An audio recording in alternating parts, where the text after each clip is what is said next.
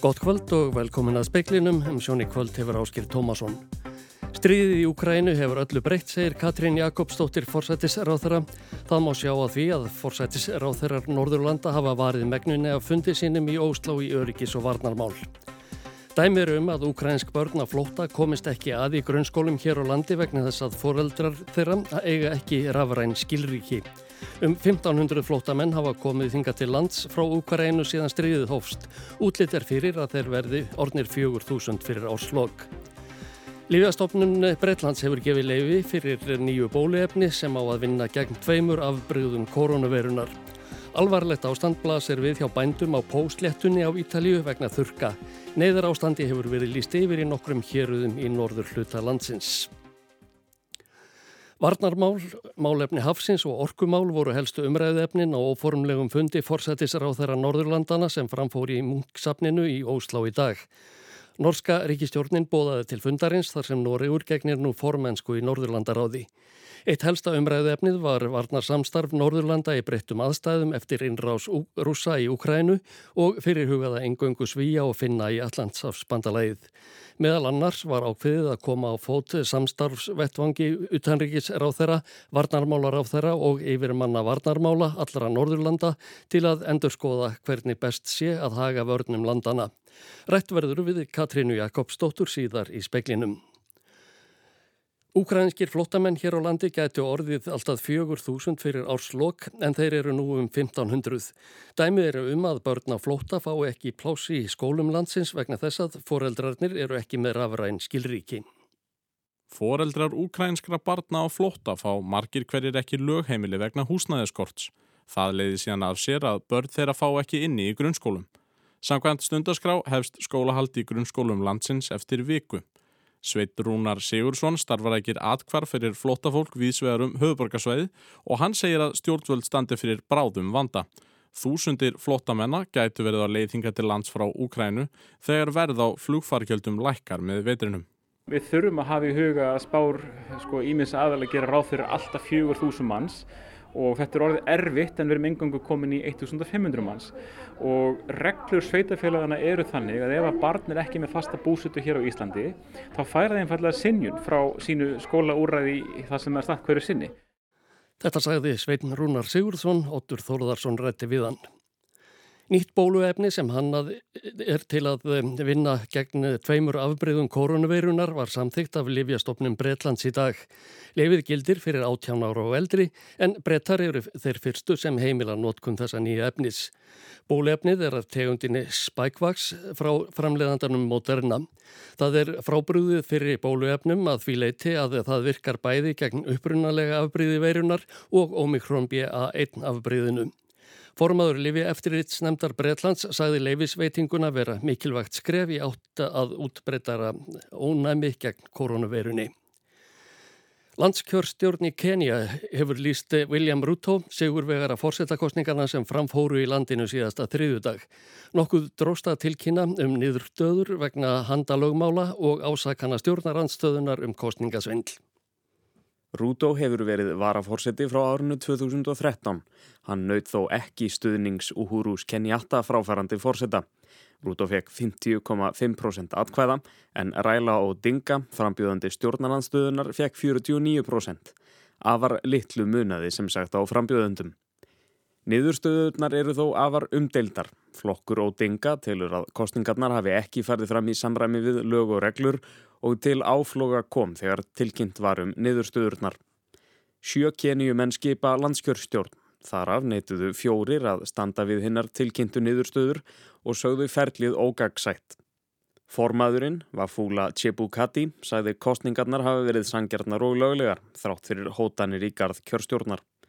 Stuðningsmenn og dinga hafa hópast saman og mótmælt niðurstöðunum í höfuðborginni Nairobi og í borginni Kisumu og hefur breska ríkisútarpið eftir greinendum að frambóð og dinga muni jafnvel kæra niðurstöðurnar. Rúdó fagnæði Sigri í ávarpi í dag og saðist ætla að verða fórseti allra kenjum manna. Hann muni einbeita sér að því að tryggja góða framtíð ríkisins. Þórgnir Einar Albertsson sagði frá. Átækinu allir vinna líkur um mánaðamótin. Það hefur treykt fulla endur greiðslu að vinnu við byggingarfrankvæmdir. Björg Ásta Þórðardóttir, sviðstjóri mannverkjasviðs hjá samtökum yðinaðurins, segir tíðarfari sumar hafa hentað illa til viðhaldsvinnu og þar að auki verði afgangur af þeim fjármunum sem voru ætlaðir í endur greiðslu frá ríkinu. Sé einn bóðið að halda átækinu áfram. Því að þetta hefur sko 100% endurgræsla á virðsökurskatti vegna vinnu og hennun á íbúðusnæði tekist vel til til þess að vera kvati til viðhalds. Jáfnfram teljum við að þetta tekist vel til til þess að neytendur þeir raunverulega velja sér fyrirtæki sem að gefa fyrir ykkur upp til skatt sem vinnu gegn svartri aðbyrjum starfsemi. Ásamdi að þetta skapa störf og, og, og við þetta verðum þetta mikna. En á þá verð á húsnaði eftir að hækka þegar átakinu líkur? Þetta hefur þetta alltaf áhrif á, á, á byggingakostna að ópenbærar álugur þar á meðal og, og þó sem við höfum ekki gett einhverja greiningu á því að þá má alveg gera ráð fyrir því einhverju marki Þetta sagði Björg Ásta Þórðardóttir, Þórdís Arljótsdóttir talaði við hana. Utanrikismála stjóri Evrópusambandsins fordæmir í yfirlýsingu fangilsistóm sem Aung San Suu Kyi fyrirverandi leðtúi Mjanmar fekk í heimalandinu í dag.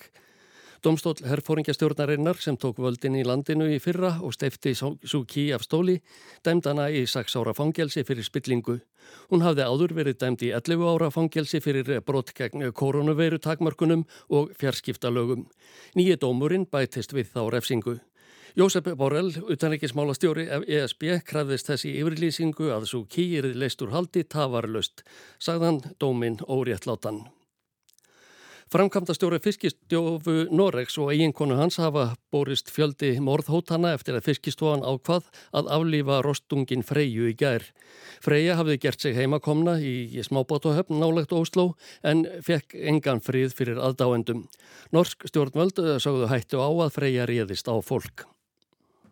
Rostungurinn var tekin af lífi í gær þar sem ekki þótti ráðlegt að flytja hann á norðlægar í slóðir.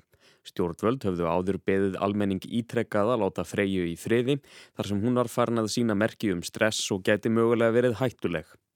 Ákverðuninn um að aflífa dýrið fór þver öfugt ofan í marga dýraunendur. Hilde Sjúrelv er gift Frank Bakke Jensen, framkvæmdastjóra norsku fiskistofunar. Hún segir í samtali við Norska ríkisútvarpið að þeim hjónum hafi borist fjöldi hótana og niðrandi orðsendinga vegna ákverðunarinnar. Sjúrelf segir fullkomlega eðlilegt að fólk hafi misjafnar skoðunir á ákvörðuninni en það sé oflant gengið að hóta ykkurum lífláti. Segist hún einnig hafa þurft að loka Facebook aðgangi sínum vegna mikilsfjölda skilabóða. Bakke Jensen segist sjálfur hafa haft samband við lögröglu vegna hótanana. Jónas Garstöre fórsetis á þeirra sagði við NRK að það hafi verið rétt ákvörðun að aflífa freyjum. Hörðgagrinni fólksum allan heim komi ekki endilega og óvart en það þurfi stjórnvöld stundum að taka erfiðar og umdeldar ákvarðanir. Þórnir, Þórnir Einar Albertsson sagði frá.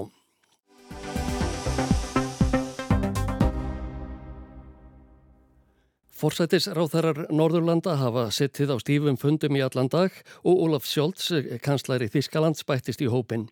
Umræðu efnið var orka, er öryggismál, öryggismálin eru orka. Árás rúsa á Ukrænu hefur gjör breytt við þorfið þessara þjóða til öryggismála.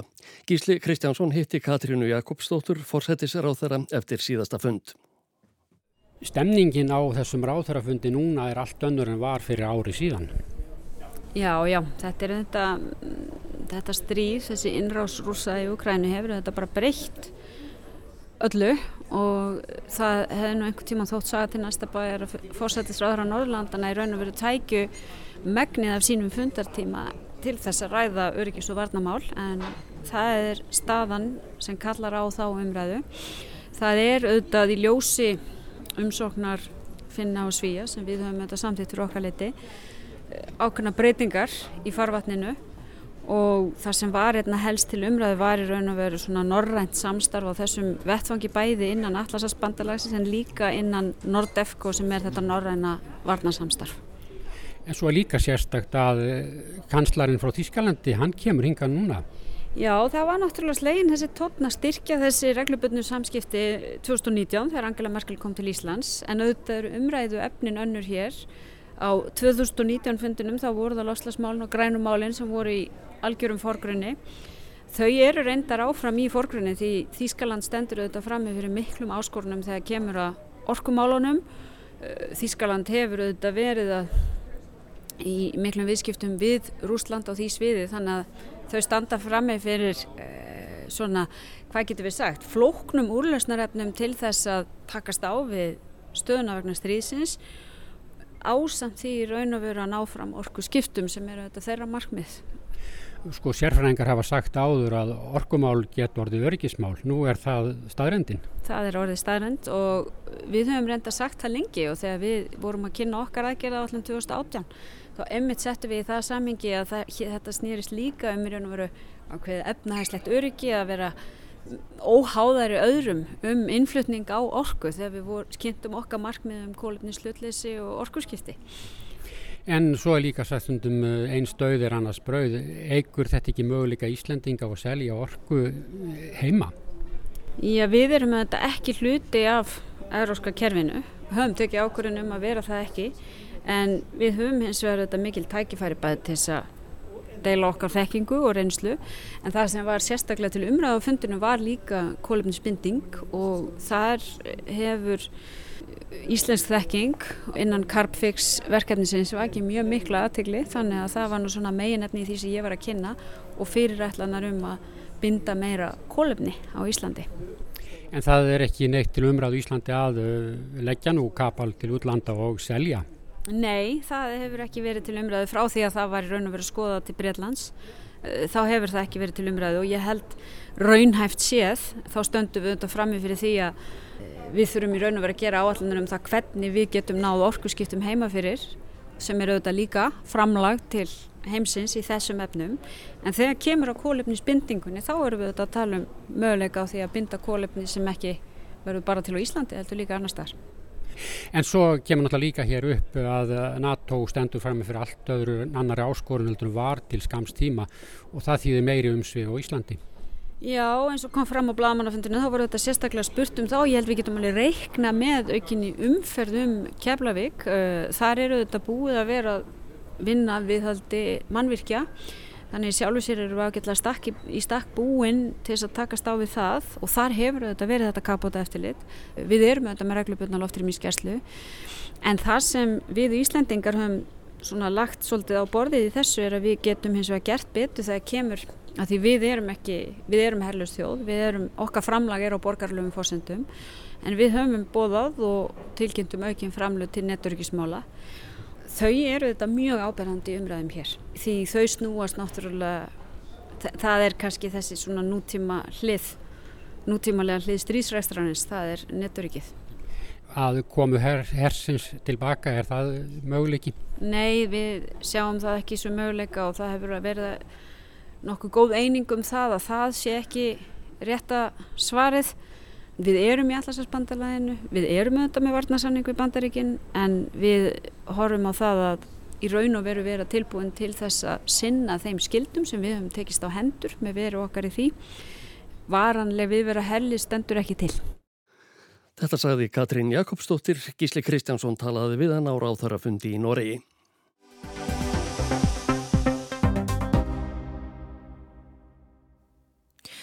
Ofbeldis og haturs glæpir í garð hinsegin fólks og hinsegin samfélagsins hafa verið áberandi í kringum prætt hátíðina í ár. Oslo prætt var aflýst í árvegna skotarossar sem átti sér stað skömmu áður á vinsælum skemmtistað hinsegin fólks. En hér á landi hafa hatursorðræða og glæpir einnig færst í aukana í því samhengi. Í síðasta mánuði voru oftar en einu sinni framinn skemdarverka og regnbóa skreittum tröppum Grafavókskirkju. Í gær var regnbóa fáni við Hjallakirkju í Kópavogi rifin neyður og skemdur en sunna Dóra Möller, sóknarprestur þar, segir atvikið augljósan hatursklæp. Einungis eru nokkrir dagar síðan skorið var á bönd nýju fánastanga á hellu þar sem regnbóa fánar blöktu til stuðnings hins einn fólki. Eirún Eithóstóttir er doktor í mannfræði og lektor í lauruglufræðum við Háskólan á Akureyri. Rannsóknir hafa svolítið sínt fram á það og þá ætlum ég sérstaklega að vísa til kanadíska afbrotafræðingsins Barbara Perry. Hún hefur talað um það að þegar minnilegtu hópar taka sér plás og auka sínileika sinn, þá verður alltaf einhver hluti samfélagsins sem bregst við með neikvæðum hætti. Það er að segja að kannski samfélagi samþykir það að fólk sé hins egið, samþykir það að það eru hér innflytjendur og svo framvegis en það samþykir það kannski með einhverjum takmörkunum. Það er að segja um leiðu fólku svo berjast fyrir bara jöfnum rétti á við aðra, berjast fyrir að fá að vera bara í samfélaginu á sínum eigin fósundum, þá verðist að vekja upp neikva viðþorf hjá, hjá ákunum hópi fólks og núna að undarförnum náttúrulega búið að vera raun og vera að fagna fjölbyttileikanum með, með prætgöngunni og svo hafa líka málefni transfólks verið mjög mikið á svona til umræðu á undarförnu og ég, ég svona get ímynda mig kannski og þetta er náttúrulega bara svona spekulasjónir hjá mér, ég get ímynda mér að það sé kannski að reyfa neikvægt við ákunnum hópum Eirún segir öfgaöfl nýta sér upplýsinga og reyðu á samfélagsmiðlum til að ná til fólks. Vitað er að krakkar á aldrinum 14 til 15 ára voru að verki á hellu á dögunum þegar nýju hins einn fánar voru skornir niður. Þannig er ungt fólk að verki, þannig er ungt fólk að sína fram á þess að fordóma og við höfum svolítið hingað til alltaf svolítið hugsa, jú, unga kynnslöðun er svo upplýst, svo fordómalaus, mikið umbúrlind og svo framvegis að það, þó það sem vissulega sína rannsóknir það að, að það er líklega rétt að, að nýjar kynnslöður hafa svona, eru með opnar í huga hvort fjölbyrleikanum heldur en eldri kynnslöður, þá er samt alltaf ákveðin hluti þeirra með fordóma og þú talar um áhrifavald og annað slikt, þá má líka benda á það að í þessari miklu upplýsingu og óreiðu sem er til staðar það sem að fullorið fólk, hvað þá ungt fólk er bara í miklum erfileikum að skilja á milli hvað eru raunverulegar upplýsingar, raunverulegar fréttir raunveruleg vísindi frá því að vera eitthvað bara röggl og hægri öfgasamtök, uh, samtök sem eru í rauninu verið að vinna gegn uh, ákveðnum miljötuhópum, vinna gegn jöfnur rétt og svo framvegis, þau nýta sér þetta. Samfélagsmiðlar þrýfast á deilum. Ágreiningur og drama skapar sókn fyrir miðlana og gerir þá meira ávanabindandi. Fjallað var um ofbeldismannin og TikTok stjörnuna Andrew Tate í speiklunum fyrir helgi. Hann hefur sjálfur sagt að líkillin að vinsældum á samfélagsmiðlum sé að sapna 60-70% aðdáendum og 40-30% andstæðingum. Þú vilt rifrildin, þú vilt stríð, segir hann. Eirún segir öfgaöfl markvist nýtar sér samfélagsmiðla til að ná til fólks. Þau hafi þar greiðan aðgangað fólki sem á miskott með að greina rugglið frá sannleikanum til dæmis bara svona hægri öfga reyfingar, þeir eru til dæmis hafa stundu verið að tepla út sko ungu myndarlegu fólki oft kannski vel að máli farið og svo framvegs til að setja fram einhverju upplýsingar sem eru kannski í grunninn uh, svona mik miklu fordómar en það kannski geta alltaf samt hægt að setja alltaf puttan á það út af því að þetta er svo falið og helstu fræðimenn um fordóm og rasisma í dag, þeir eru með svolítið að benda á þetta að fordómar samtímas eru svo faldir, þeir eru svo duldir, það er búið að pakka þeim inn í ykkur aðrar umræður, þannig fólk kannski farið að sko tala með fordómföllum hætti þó það átti sig kannski ekki sjálft á því. Það kann að verðast að bakslag sem þetta komi eins og þrjuma úr heiðskýru lofti. Við lifum í mörgum mismunandi heimum á samfélagsmiðlunum okkar, sum hafa kannski séð umræðun að þróast í þessa átt í einhver tíma á meðan önnur hafa eflust ekki orði vörfið neitt. Allt eftir því hvernig algrímið okkar virkar. Eirún segir bakslagið viðbúið. Sko ég held þetta komi aftan að þeim sem hafa kannski ekki verið að velta fyrir þessum hlutum undir fyrir ár út af því að fyrir mér er þetta bara mjög skýrt og hefur við leiðið skýrt fyrir að þetta væri svolítið svona eh, sá farvegu sem við værim að fara í og hver ástað nákvæmlega er, veit ég ekki, við veitum það að það er uppgangur allskynns öfgaabla hér og þar um heimir. Það er ekki mörg ár síðan til dæmis var farið að tala um það, sko, bara lauruglegu völd til að fara að hætta að, að sko, setja alltaf fókusin á sagt, terrorisma í tengslum við þá íslamista heldur það þetta líka fara að horfa til kvítir á svona öfgarheiminga það er farið bara vaksandi innum vestrana heimi. Þannig að þetta hefur svolítið leið kannski ljóst fyrir og við hefum bara séð uppgang populisma.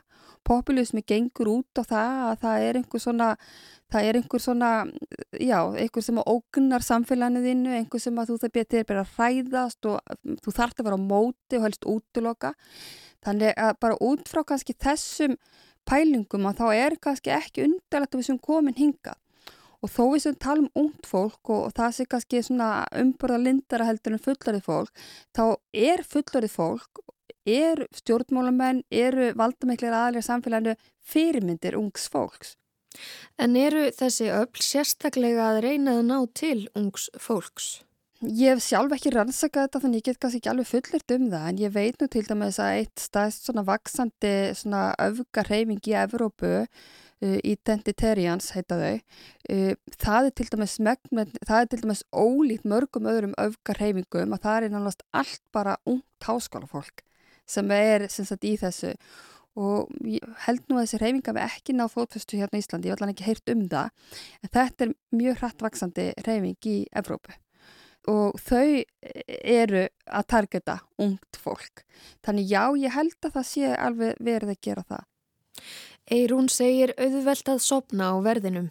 Breytinga og orðræðu og áherslum geti verið lúmsk.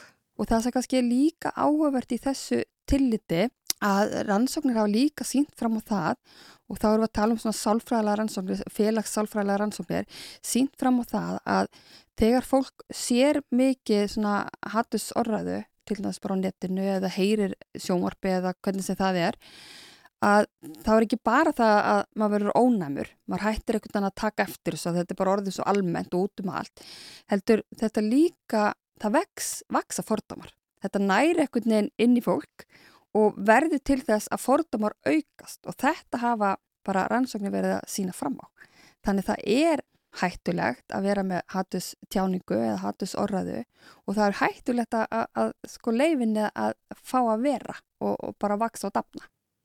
Eirún segir að nú þurfum við að grýpa fast í taumana. Íslendikar hafa opbáslega verið fastir í þessari hugsun sinni að hér ríki ykkur algjör jafnbrettis paradís. Við sem ekkert nefn besti, við erum alltaf besti í öllu heiminum og erum þá alltaf besti í þessu líka að vera með jafnbretti millir, hvað sem það kynja jafnbretti eða jafnbretti millir annar hópa og það hafa fræðimenn verið að benda á það gegn tíðina að þessi jafnbrettis paradís, það er kannski ekki alveg raunin menn það er kannski bara eina fólki sem er við völd eða tekur ákvarðanir eða eitthvað er það fólk sem verður aldrei fyrir slíku sjálft að þá erum við kannski að sjá litla breytingar því að það, ef þú finnur ekki fyrir þessu sjálfur og einn skinni þá upplifur kannski að sé ekki mikið þörf á því að þú ræðst til aðgerða eða, mm. eða vinnu gegn því eða eitthvað slikt og þess vegna held ég að við séum til dæmis bara mjög sein að fara að vinna gegn til dæmis hatus ofbeldi að það sé ekki bara mun aktífari vinna í gangi e, gegn hattusorraðu, gegn hattusklæpum út af því þá erum við komin, þegar við farin, erum farin að þurfa að eiga við hattusklæpi með svona kannski miklu mæli eins og búið að vera að sína sig bara undanförnu, þá erum við bara búin að missa svolítið á lestinni. Veist, þá við, erum við búin að missa því að geta kannski spórna gegn á fyrri stigum. Segir Eirún Eithórstóttir, doktor í mannfræði og lektor í lágröglufræðum við Háskólan og Akureyri. Hafdís Helga Helgadóttir tók saman.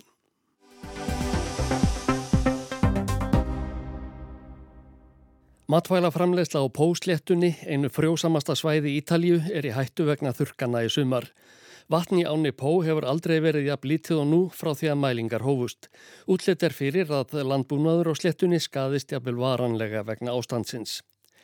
Hver hittabilgjan eftir aðra hefur riðið yfir stóran hluta Evrópu í sumar með gróðureldum og annari óáran. Hittamett hafa fallið í Breitlandi og víða á meginlandinu. Afleðingin er meðal annars svo að óvenjulega lítið vatn er í ám og vötnum þar á meðal áni Pó, þeirri lengstu á Ítalju sem tegir sig yfir rúmlega 650 km svæði í norðaustur hluta landsins frá Ölpunum í vestri út í Adriahafi austri. Pósléttan umhverfis ána er stærsta samfelda lálendi Ítalju, frjósum í venjulugu árferði þar sem um það byrð þriðjungur matvala framlegslu landsins fer fram. Þurkarnir í sömar eru sagður henni verstu í að minnstakosti 70 ár. AP fréttastofan kannadi ástandið fyrir helgi og hitti Stefano Marca sem býr í húsbát á Anni. Hann greindi fréttamanni frá því að áður fyrr hafi vatnsæðin verið 3-4 metrar í miðri, Anni en nú væri hún um það byrj 20 cm. Prima c'erano 3-4 metri l'acqua lì in mezzo, adesso sono 20 cm. Því til sannunar óð marka yfir ána sem náðunum vart í kálfa þar sem dýfst var. Engin umferð báta eða skipa er um ána. Stefán og Marka segir að um, ef allt væri með eðlilegum hætti ætti umferðin að vera mikil á þessum tíma árs eins og á göttunum í Mílanó. Á veturna vaksi í áni þegar snjóar eða rignir á Langbarðalandi eða Piedmont, Liguríu eða Emilíu héröðunum. Nú hafi ekki ringt síðan í desember og síðasta vetur hafi ekkert snjóað. Perché qua le piene le fanno quando nevica, quando piove ininterrottamente Lombardia, Piemonte, Liguria, Emilia. È da, da dicembre che non piove, non c'è neve e siamo, la situazione attuale è questa. Stefán Marka segir að roskið fólk sem býra á póslettunni hafi aldrei upplifað annað eins. Í grend við þorpið Borg og Virgilio kom meira að segja í ljós 450 kílóa sprengja sem hafi verið falin í vatninu frá því síðari heimstyrjöldinni. 3000 íbúar bæjarins þurfti að forða sér meðan hermenn sóttu sprengjuna og ettanni á afviknum stað. Vegna þurkana hafa stjórnvöldi í Róm líst yfir neyðarástandi í fimm héruðum í norður hluta landsins. Bændum á póslettunni verða bóðunar bætur vegna ástandsins. Yfirvofandi er uppskerubrestur sem talið er að leiði til þess að bændur á póslettunni þurfi að hækka verð á framlöslu vörum sínum um 50 af 100 frá því fyrra, þar á meðal á hrísgrjónum, ólífum og tómötum. Kyle Holland, markas sérfræðingur hjá rannsóknarfyrirtækinu Mintek, áallar að framleiðsla á ólífu og olíu verði 20-30% minni enn í fyrra. Víða vaksi engar ólífur og trjám sem gerist einungis þegar hiti fyrir yfir við smörk. Hans báir því að verða ólífu og olíu hækki talsvert á næstu mánuðum þar sem framleiðslan í fleiri löndum í Suður Evrópu sem mun minni en áður. Verða á ekstra vörgin olífunni hefur raunað þegar hækkað um 28% á tveimur árum samkvæmt gögnum Míntek. Þá hefur verð á hrískrónum og tómutum meira en tvefaldast. Spáðir 20% að verðhækkun til viðbótar á ítölskum hrískrónum í oktober þegar uppskeru tímin hefst. Forstjóri breska innflutningsfyrirtækinsins Eurostar Commodities segir að horfurnar séu dökkar. Fyrirtækið hefur flutt inn hrískrón og tómata frá Ítalju. Vegna yfirvofandi verðhækkana segist hann að líkindum verða að leita til annara landa til að byrja sig upp. AP fréttastofan hefur eftir Thomas Geiger, veðurfræðingi hjá AccuWeather, að samanburður á gerfinnattamyndum af póslettunni í júni í ár og fyrir tveimur árum séu sláandi. Breytt árinar er sumstaðar helmingi minni enn í júni 2020. Geiger óttast að það tæki mörg ár fyrir náttúruna að jafna sig á þurrkonum í ár. Tjónið sé jafnvel varanlegt.